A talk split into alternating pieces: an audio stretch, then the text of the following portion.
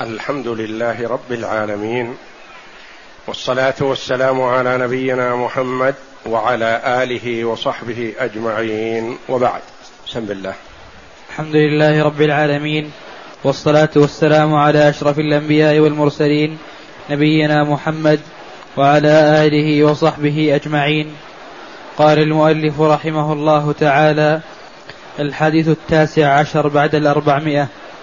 عن أبي هريرة رضي الله عنه عن النبي صلى الله عليه وسلم قال من أعتق شقصا من مملوك فعليه خلاصه كله في ماله فإن لم يكن له مال قوم المملوك قيمة عدل ثم استسعى العبد غير مشقوق عليه.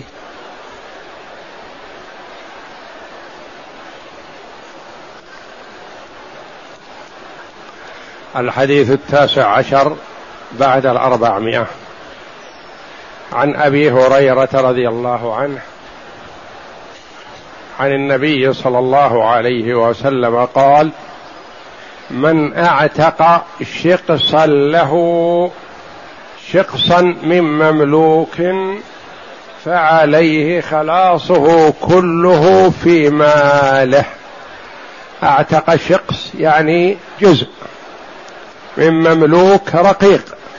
وعرفنا أن الرق في الإسلام سببه الكفر. فما من رقيق إلا وسبب رقه هو كفره أو كفر أبيه أو كفر جده أو جد جده. لأن الرق حينما يستولي المسلمون على المشركين فهم في الخيار فيهم إن شاءوا استرقوهم وإن شاءوا باعوهم وإن شاءوا أخذوا الفداء منهم وإن شاءوا قتلوهم اللي يستحقون القتل من المقاتلين دون النساء والصبيان؟ وإن شاءوا منوا عليهم بلا مقابل وهذا شيء يرجع إلى الامام بالنظر بالمصلحة العامة. فعليه خلاصه كله في ماله. إذا أعتق نصيبه فيجب عليه أن يشتري نصيب شركائه فيعتقه. إن كان له مال. وإن لم يكن له مال قوم المملوك قيمة عدل ثم استسعي العبد غير مشقوق عليه. استسعي يعني قيل له أنت مثلا كنت رقيق. أحد الشركاء في ملكك أعتقك. أحدهم مثلا له ثلث. أعتقه. بقي فيه ثلثان رقيق. يقال للذي أعتق الثلث إن كان عندك مال فيجب عليك أن تشتري البقية وتعتقه. ما عندك مال قال ما عندي مال. نقول للرقيق تشتري نفسك. بالقيمة المناسبة التي يقدرها أهل الصنف وأهل الثقة والعدل والأمانة. ويقال اعمل وأد لسيدك حتى تحرر نفسك كلها. غير مشقوق عليه. يعني ما يقال له أد لسيدك كل شهر ألف وهو لا يستطيع. أد لسيدك كل شهر خمسمائة وهو لا يستطيع. ينظر. ماذا يستطيعه بدون مشقة؟ فيفرض عليه شهريا لمدة كذا. يقال له مثلا بقية قيمتك عشرة آلاف. تؤدي في كل شهر ألف خمسمائة ثلاثمائة أقل أكثر حسب ما يستطيعه. الحديث الذي مر بنا قبل هذا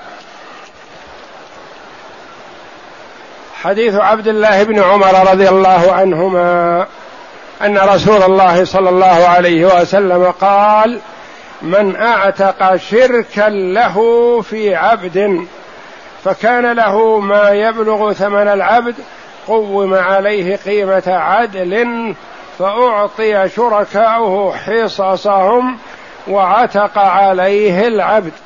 وإلا فقد عتق منه ما عتق. الحديثان في الصحيحين. وظاهرهما شيء من التعارض. الحديث الأول يقول إن كان المعتق له مال يبلغ قيمة بقية ما في العبد من رق قوم عليه وعتق عليه. هذا ظاهر. فإن لم يكن له مال قال فقد عتق منه ما عتق وبقي الباقي رقيق. ويكون حينئذ مبعض.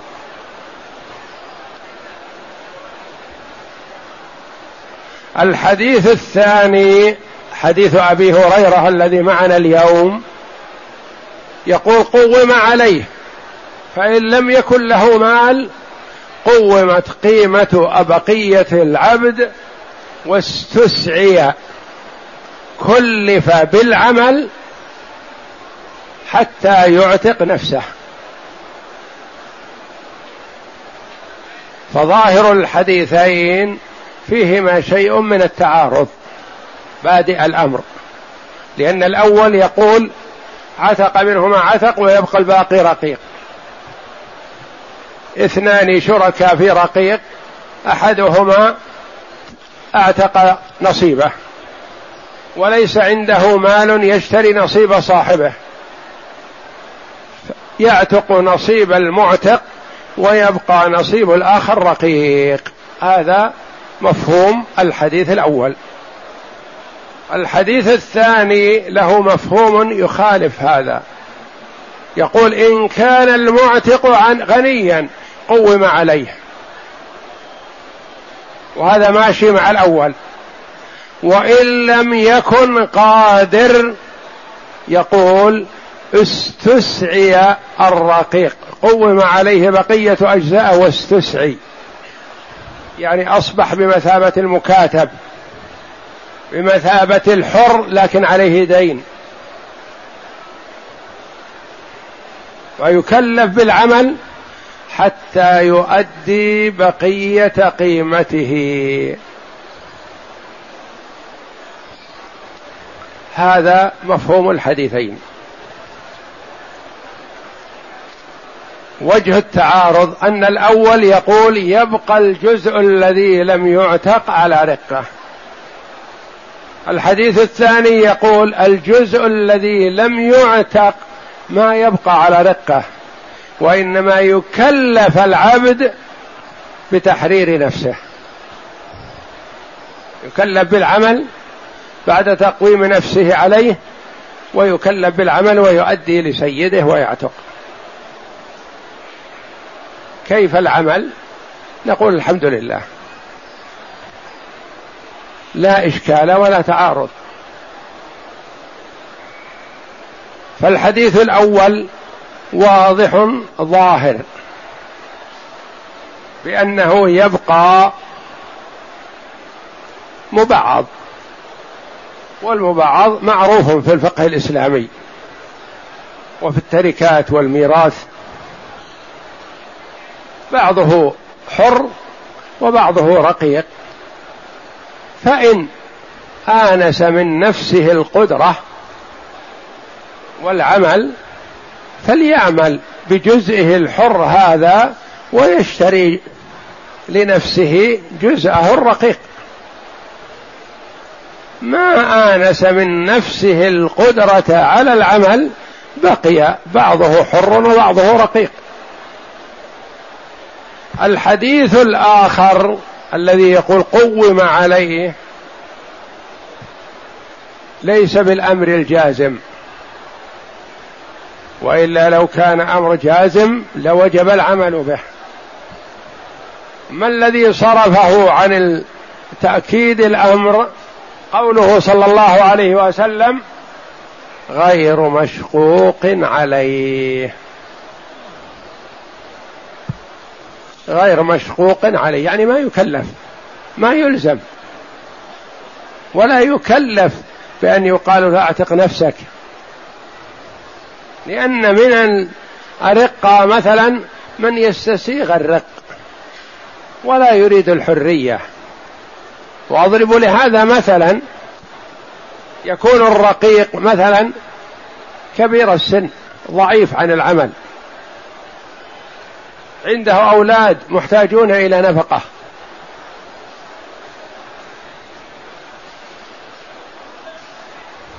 أحد مالكيه أعتق نصيبه ولا يستطيع هو عمل ولا يستطيع المعتق هذا شراء البقية. الآخر ما أعتق. قلنا للرقيق اشتر نفسك. أنت الآن بعضك حر وبعضك رقيق اشتر نفسك. يقول كيف اشتري نفسي؟ ما أستطيع أعمل ولا أتصرف في شيء. أنا أصلي وأصوم حتى ما أستطيع الخدمة لسيدي. فإن شاء أن يعتقني فحسن جزاه الله خير وأنا لا أرغب في هذا. لأنه إن أعتقني برئ من نفقتي وأنا في حاجة إلى من ينفق علي. ما عندي من ينفق علي. فكيف أطلب الحرية أتكلف بنفقة نفسي بعد أن كنت قد تكفل بنفقتي؟ فيقول لا أريد الحرية فلا يجبر. والنبي صلى الله عليه وسلم يقول غير مشقوق عليه. وللعلماء رحمهم الله في هذين الحديثين أقوال. مالك والشافعي وأحمد وجمهور العلماء على أنه إن استطاع المعتق أن يشتري بقية الأجزاء. لزمه ذلك وهذا نص الحديث. ولا يخالفه أحد. ما استطاع المعتق أن يشتري البقية يقال مبعض يبقى. بعضه حر وبعضه رقيق. هذا قول جمهور العلماء. ولا يلزم واستفادوا هذا لعلهم من قوله صلى الله عليه وسلم غير مشقوق عليه. أبو حنيفة رحمه الله وبعض العلماء قالوا يلزم بأن يشتري نفسه ويعتق كله من حين أعتق الشريك حصته. ثم يقال للرقيق اعمل بعدما حرر. وأد لسيدك الذي لم يعتق نصيبه. ثم اختلفوا. فمنهم من قال أد لسيدك الذي لم يعتق نصيبه وارجع على سيدك الذي اعتقك أولا. تكتسب وتؤدي لسيدك الأخير وترجع لسيدك الأول. ومنهم من قال لا يرجع لسيده الأول ما دام أن سيده أعتق نصيبه ولا يستطيع عتق البقية فلا يرجع عليه في ماله. وهم يأخذون ب بتقويم العبد على نفسه ويقولون إنه تحرر كاملا من حين عتق بعضه.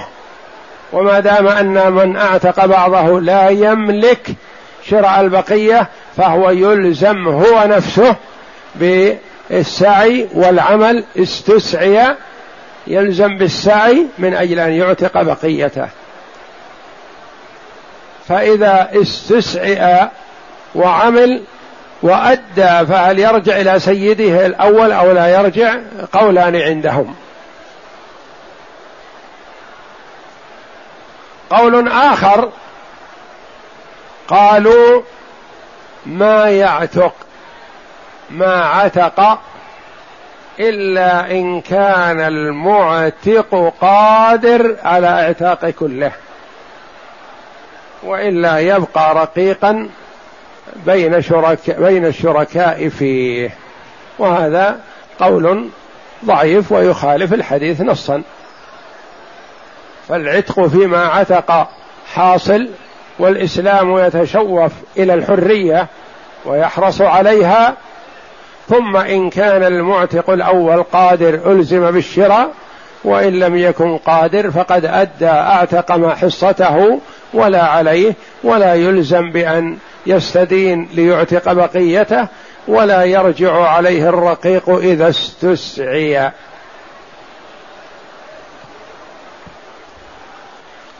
من أعتق شقصا من مملوك فعليه خلاصه كله كله في ماله فإن لم يكن له مال قوم المملوك قيمة عدل. هذا التقويم في هذا الحديث والذي قبله قيمة عدل يعني يقومها على الصنف. ما يقال للسيد بكم تبيع نفسك رقيقك ولا يقال للرقيق بكم تشتري نفسك. لأنه إذا قيل لأحدهما بكم تبيع ربما رفع القيمة. وإذا قيل للآخر كم تشتري نفسك حط القيمة. فما يتفقان وإنما يرجع إلى أهل الصنف فيقومونه فيلزم السيد بالرضا بهذه القيمة ويلزم الرقيق بأن يلتزم بهذه القيمة. غير مشقوق عليه يعني لا يكلف ما لا يطيقه. اقرأ. ما يستفاد من الحديث؟ معنى هذا الحديث تقدم في الذي قبله إلا أنه زاد حديث ابن عمر رضي الله عنهما. نعم. إلا أنه زاد تسعية العبد عند إعسار المعتق وإجمال معناه ما يأتي. أولا أن من أعتق شركا له في عبد وكان له ما يبلغ ثمن العبد عتق عليه كله وقوم عليه حصة, حصة شريكه بقدر قيمته. نعم هذا محل وفاق. نعم.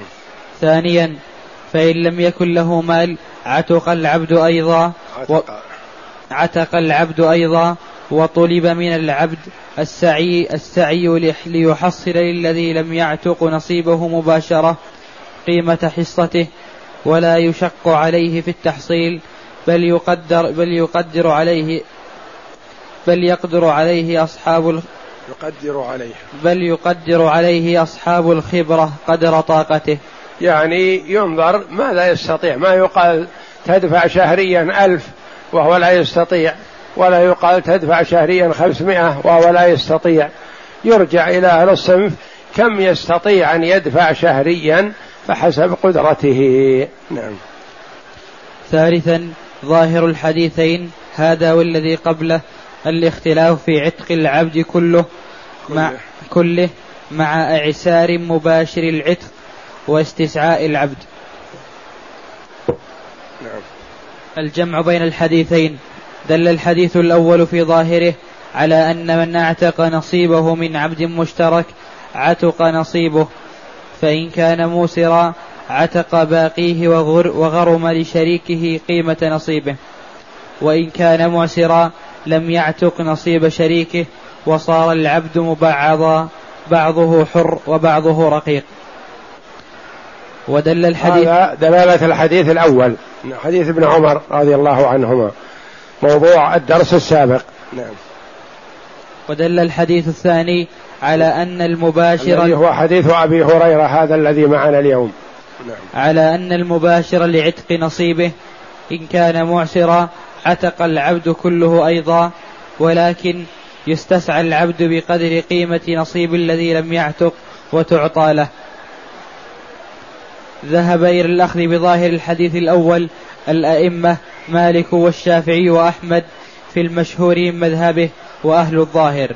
يعني جمهور العلماء على هذا. نعم.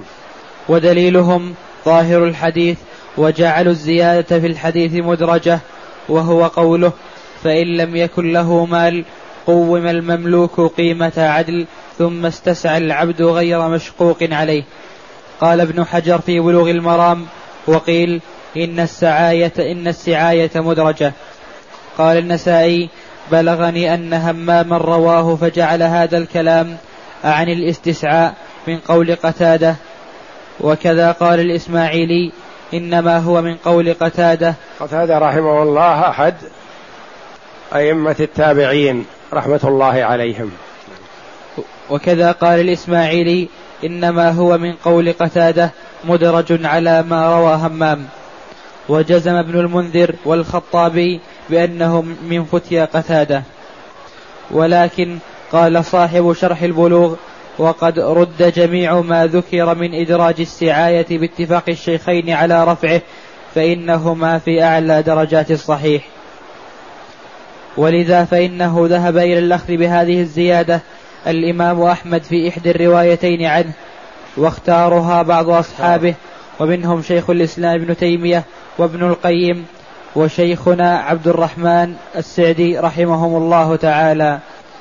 وجمع بين الحديثين. جمع. وجمع بين الحديثين. وصفة الجمع ما قاله شارح بلوغ المرام أن معنى قوله في الحديث الأول وإلا فقد عتق منه ما عتق أي بإعتاق مالك الحصة حصته وحصة شريكه تعتق بالسعاية فيعتق العبد فيعتق العبد تسليم ما عليه ويكون كالمكاتب. وهذا هو الذي جزم به البخاري. يعتق العبد بتسليم ترى يمكن الباء ساقطة والله أعلم. ويظهر, ويظهر أن ذلك يكون باختيار العبد بعد ويظهر, ويظهر أن ذلك الجمع. أقرأ وصفة الجمع. وانتبه لا تخالف سيبويه. نعم. وصفة الجمع. وصفة الجمع ما قاله ما قاله شارح بلوغ المرام أن معنى قوله في الحديث الأول معنى إن معنى قوله أقول لا تخالف سيبويه. أن معنى قوله في الحديث الأول وإلا فقد عتق منه ما عتق أي بإعتاق مالك الحصة حصته حصته.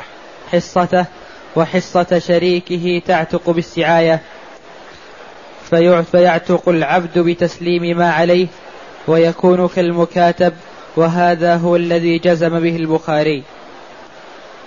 ويظهر أن ذلك يكون باختيار العبد بعد بعد لقوله غير مشقوق عليه. يعني إذا رغب العبد في ذلك ولا يلزم. نعم.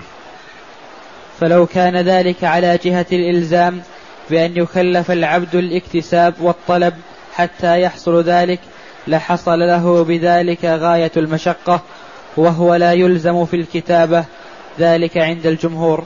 ولأنها غير واجبة فهذا مثلها. وإلى هذا الجمع ذهب البيهقي وقال لا تبقى معارضة بين الحديثين أصلا. وهو كما قال إلا أنه يلزم منه أن يبقى أن وهو كما قال إلا أنه يلزم منه أن يبقى الرق في حصة الشريك إذا لم يختر العبد السعاية. والله أعلم. وصلى الله وسلم وبارك على عبده ورسوله نبينا محمد وعلى آله وصحبه أجمعين.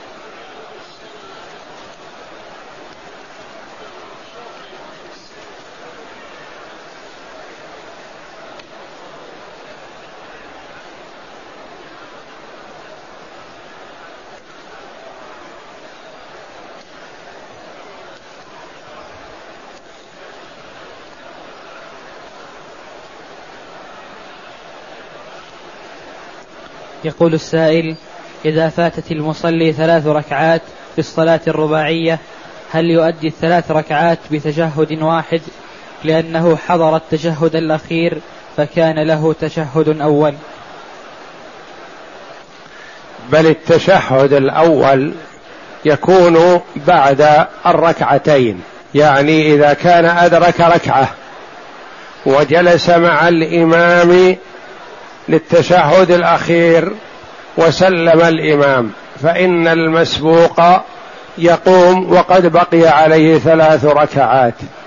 يأتي بركعة ويجلس للتشهد الأول ثم يقوم ويأتي بالركعتين الباقيتين. هذه مكان السلاح.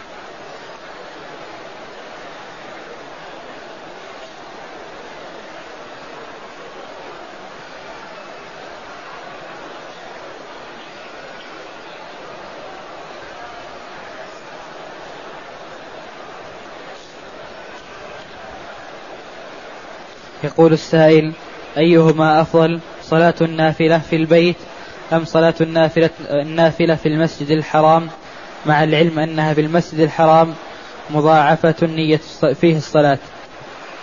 صلاة النافلة في البيت أفضل في مكة وغيرها. فعلى المضاعفة هي مضاعفة في البيت وفي المسجد وفي أي مكان. الفريضة في المسجد مع الجماعة والنافلة في البيت أفضل في مكة وفي المدينة وفي غيرها من البقاع. فإذا فضلت الصلاة في مكة على غيرها بمائه ألف صلاة في الفريضة والنافلة إن شاء الله فالنافلة كذلك مفضلة في البيت على نافلة في بيت خارج مكة بمائة ألف صلاة كما قرر ذلك كثير من العلماء على أن المضاعفة ليست في المسجد هذا شرفه الله وإنما هي في كل الحرم.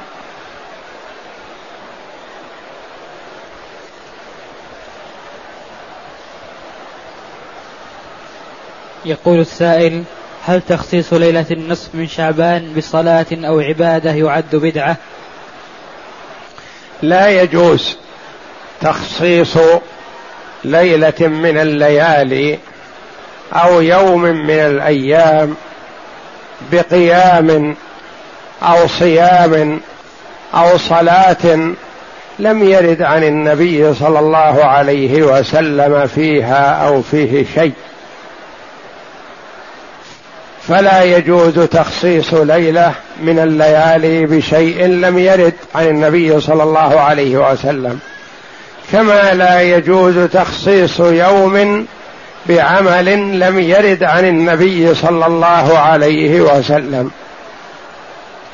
أما إذا كان يقوم بعض الليالي ويترك وإذا من الله عليه بالقيام صلى ما كتب الله له بدون تخصيص ليلة أو يوم. أما أن يخصص ويعتني بليلة من الليالي فلا يجوز ذلك إلا ما ورد في السنة تخصيصه.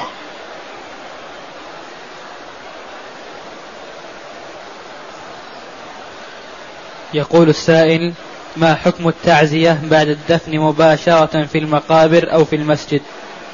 التعزية سنة ومستحبة بعد علم المرء بالوفاة سواء كانت قبل الصلاة على الميت أو بعدها أو قبل الدفن أو بعده في المقبرة أو في المسجد أو في السوق أو في أي مكان.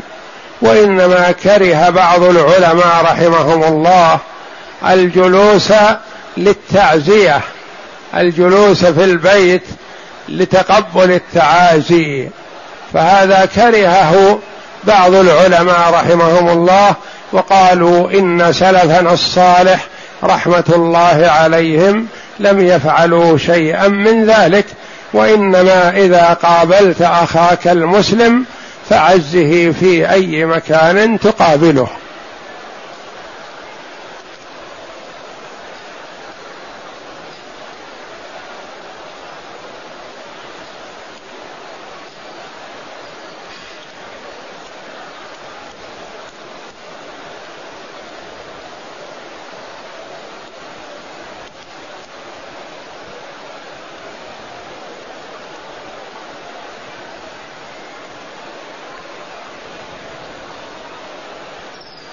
يقول السائل نحرص على السنة ولكن لا نريد فوات فضل هذه الليلة النصف من شعبان للأحاديث الواردة في قيامها يوم غد فما نصيحتكم لنا؟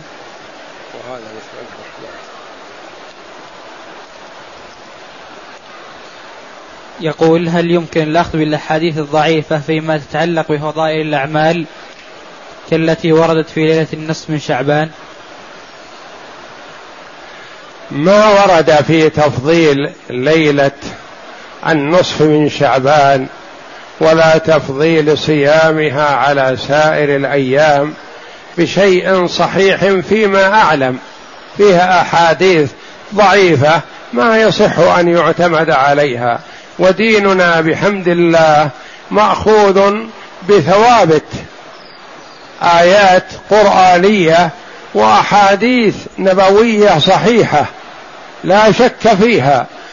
فلا نتشبث ونأخذ بأشياء ما ثبتت عن النبي صلى الله عليه وسلم فنحرم من بركة الأخذ بسنة رسول الله صلى الله عليه وسلم.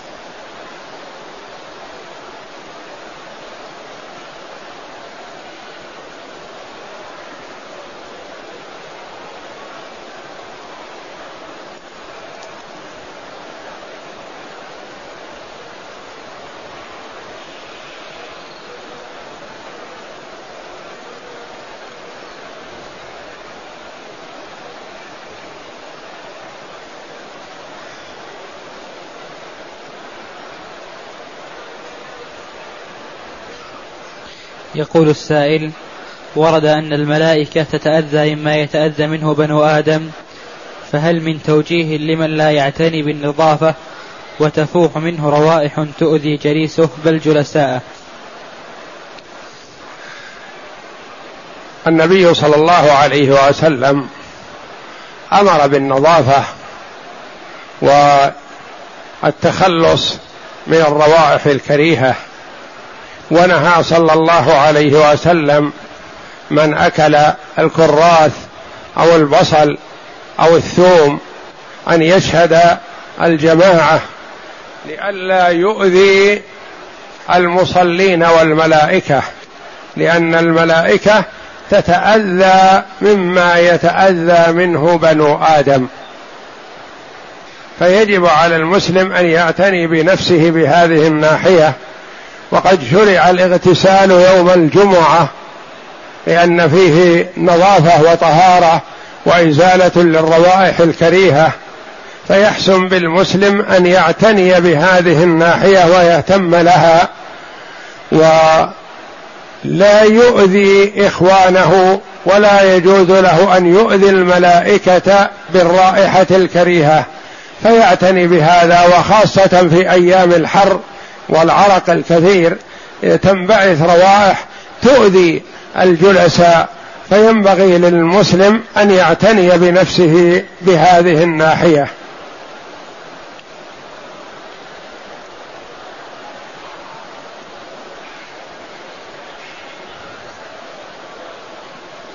يقول السائل طفل ميت في بطن أمه وعمره ثمانية أشهر هل له عقيقة؟ ليس له عقيقة لأن العقيقة تستحب وتتأكد لمن ولد حيا شكرا لله تعالى. فإذا مات في بطن أمه وخرج ميت فالذي يظهر والله أعلم أنه لا عقيقة له.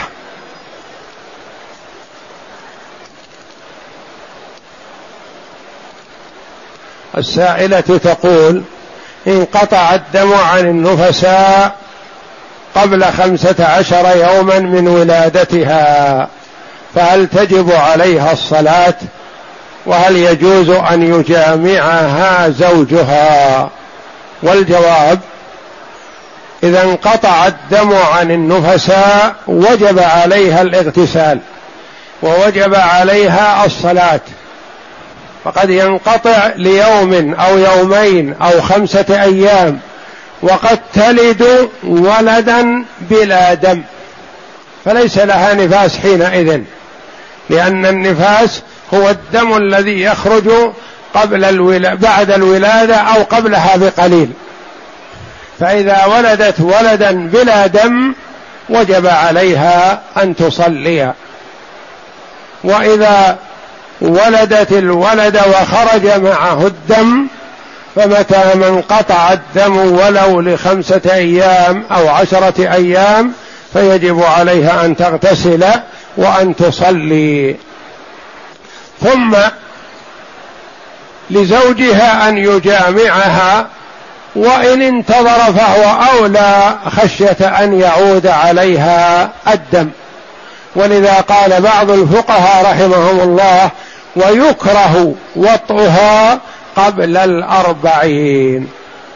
يكره وليس بحرام ما دام ليس عليها دم فلزوجها أن يجامعها لكن لو انتظر خشية أن يعود عليها الدم فهو أولى.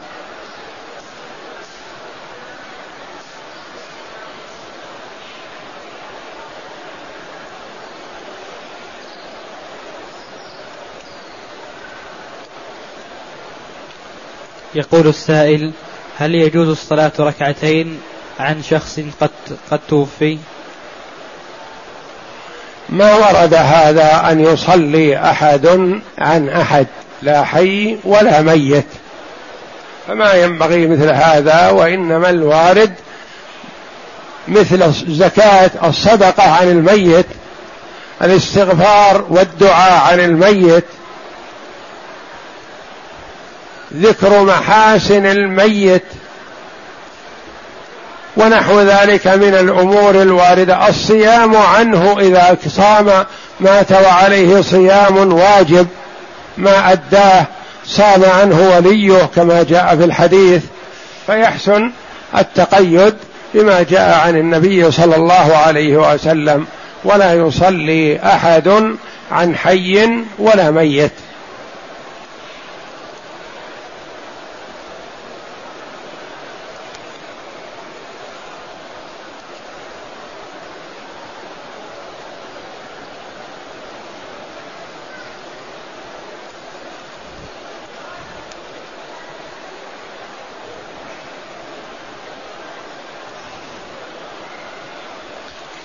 يقول السائل أرجو تعريف مواقيت صلاة الصبح وصلاة الفجر صلاة الشروق وصلاة الضحى.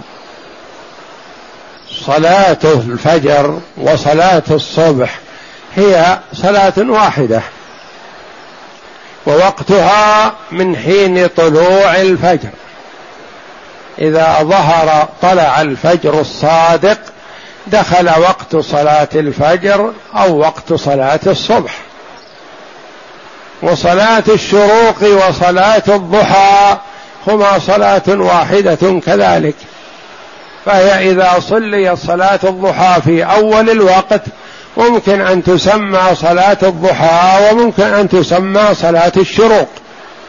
وإذا صليت في منتصف الضحى تسمى صلاة الضحى فقط. فوقت صلاة الفجر من طلوع الفجر إلى طلوع الشمس. ووقت صلاة الضحى وصلاة الشروق من بعد طلوع الشمس وارتفاعها قدر رمح إلى أن تقف الشمس في وسط السماء. يعني قبيل دخول وقت صلاة الظهر بقليل. يعني بعد طلوع الشمس بربع ساعة تقريبا إلى أن تقف الشمس في وسط السماء. كل هذا وقت لصلاة الضحى. وإذا صليت في أول وقتها تسمى صلاة الضحى وتسمى صلاة الشروق.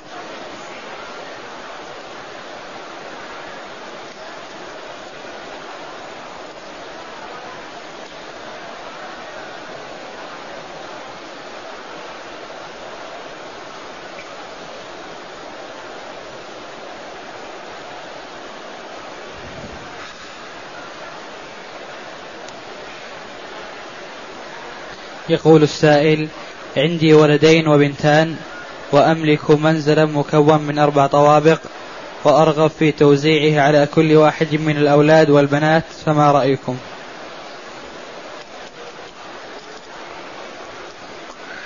إعطاء الوالد لولده في حال الحياة محل خلاف بين العلماء رحمهم الله.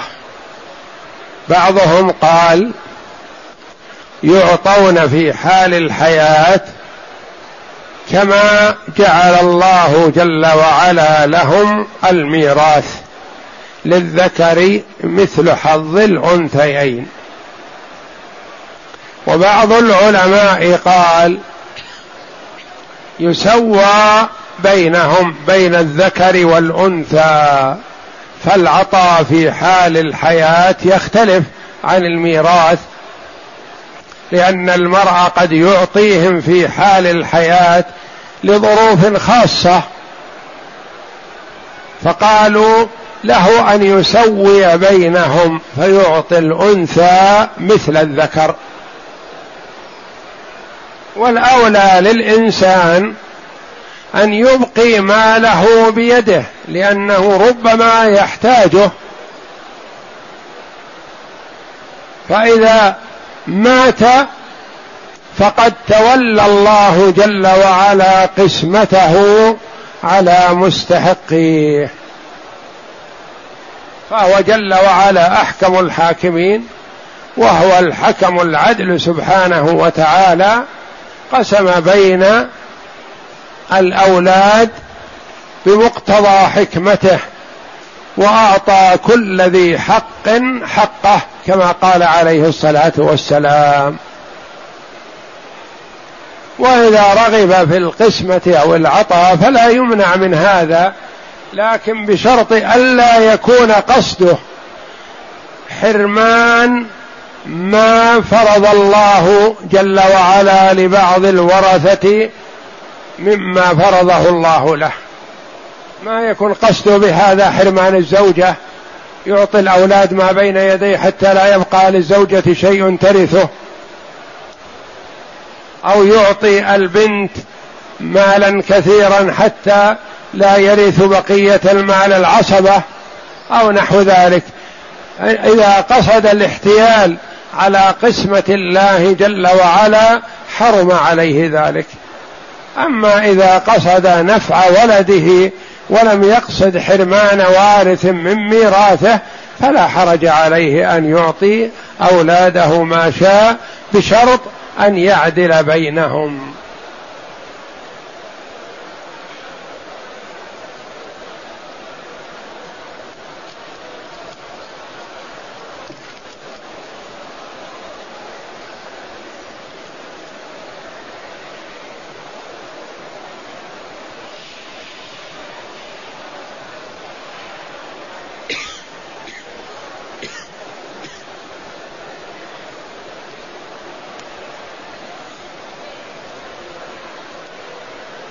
يقول السائل أنا رجل أعمل في التجارة وعلي دين ولم أجد من يقرضني لأسدده فهل يجوز أن أقترض من بنك ربوي لا يجوز لك أن تقترض من بنك ربوي لتفي لتسدد الدين الذي عليك. والله جل وعلا يقول في كتابه العزيز وإن كان ذو عسرة فنظرة إلى ميسرة. المدين إذا ثبت إعساره فلا يحبس ولا يؤذى وإنما ينظر حتى يسدد يستطيع أن يسدد ما عليه. والحبس والمنع من التصرف هذا كله قبل ثبوت الإعسار. خشية أن يتصرف في ماله بما يضر بغرمائه. فإذا ثبت أنه معسر أخرج من السجن. وهذا هو المعمول به عندنا والحمد لله. لأنه يحبس ويؤمر بسداد الدين فإذا لم يستطع نظر في ثبوت إعساره شرعا. فإذا ثبت إعساره شرعا أخرج. وأمر الغرماء بأن ينظروه حتى ييسر الله له السداد. فلا يجوز للمسلم أن يقترض من بنك ربوي بفائدة ربوية محرمة فيكون محاربا لله ولرسوله. وإنما على غرمائه أن ينظروه حتى ييسر الله له السداد.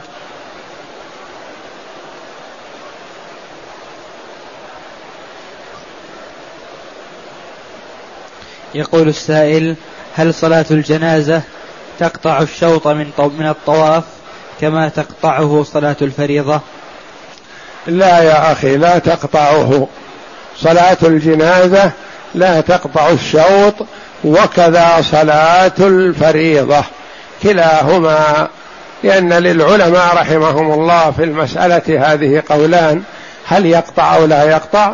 ولعل الصحيح إن شاء الله أن صلاة الفريضة وصلاة الجنازة كلها لا تقطع الشوط فأكمل من حيث وقفت.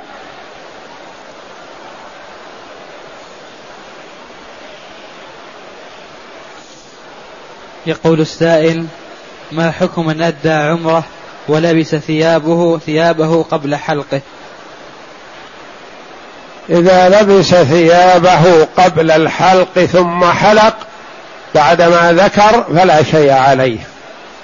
وإن ذكر قبل أن يحلق فالأولى له أن يتجرد من المخيط ويستعيد ملابس الإحرام ثم يحلق وقد حل من عمرته ولا شيء عليه في الحالين لأنه يعذر بلبس المخيط جهلا أو نسيانا قبل التحلل.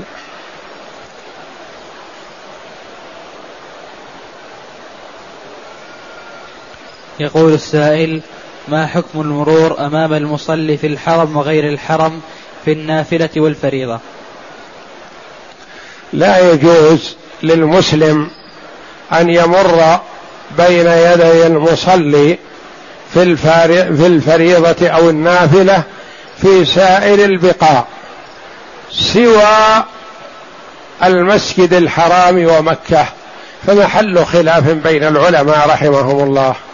بعض العلماء أجاز للمرء أن يمر بين يدي المصلي في مكة وبعضهم منع ذلك. والذين أجازوه قالوا إنه ورد أن النبي صلى الله عليه وسلم كان يصلي حول الكعبة وكان الطائفون يمرون بين يديه فلم يكن يمنعهم.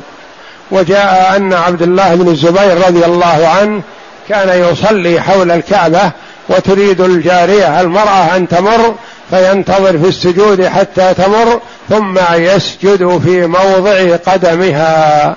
دل هذا على أنها كانت تمر بين يدي المصلي.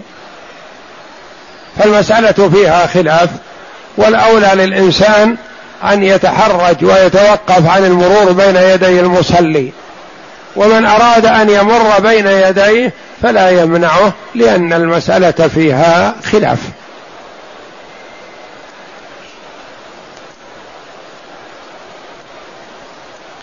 يقول السائل في بلادنا بعض الناس يعقدون للزواج في المساجد ما حكم ذلك؟ لا بأس بهذا.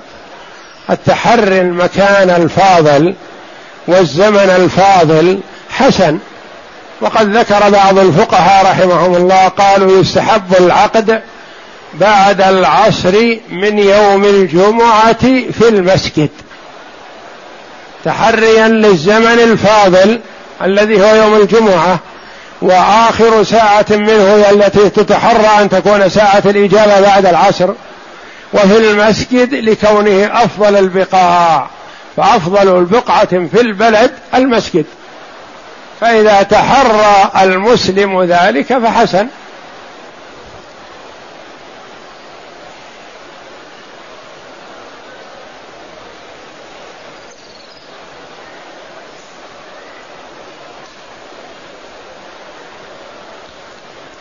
يقول السائل هل تجوز الرقية بالقراءة على ماء زمزم؟ نعم. الرقية حسنة. يعني مباشرة على المريض أو في ماء ويشربه. ثم إذا كانت هذه الرقية في ماء زمزم فحسن لأنه ماء مبارك وماء طيب وهو طعام طعم وشفاء سقم. فهو ماء مبارك. فإذا وجدت القراءة في هذا الماء المبارك وشربه المسلم فحسن. يقول هل للمرأة التي تصلي في مصلى النساء ويدخل عليهن الرجال هل لها تغطية وجهها؟ يجب على المرأة إذا مرت بالرجال أو مر الرجال بها جالسة أو تصلي أن تغطي وجهها وجميع بدنها عن الرجال الأجانب. فإذا كانت تصلي في مكان بعيد عن الرجال وكاشفة لوجهها فلها ذلك فإذا مر بها رجال تغطي وجهها.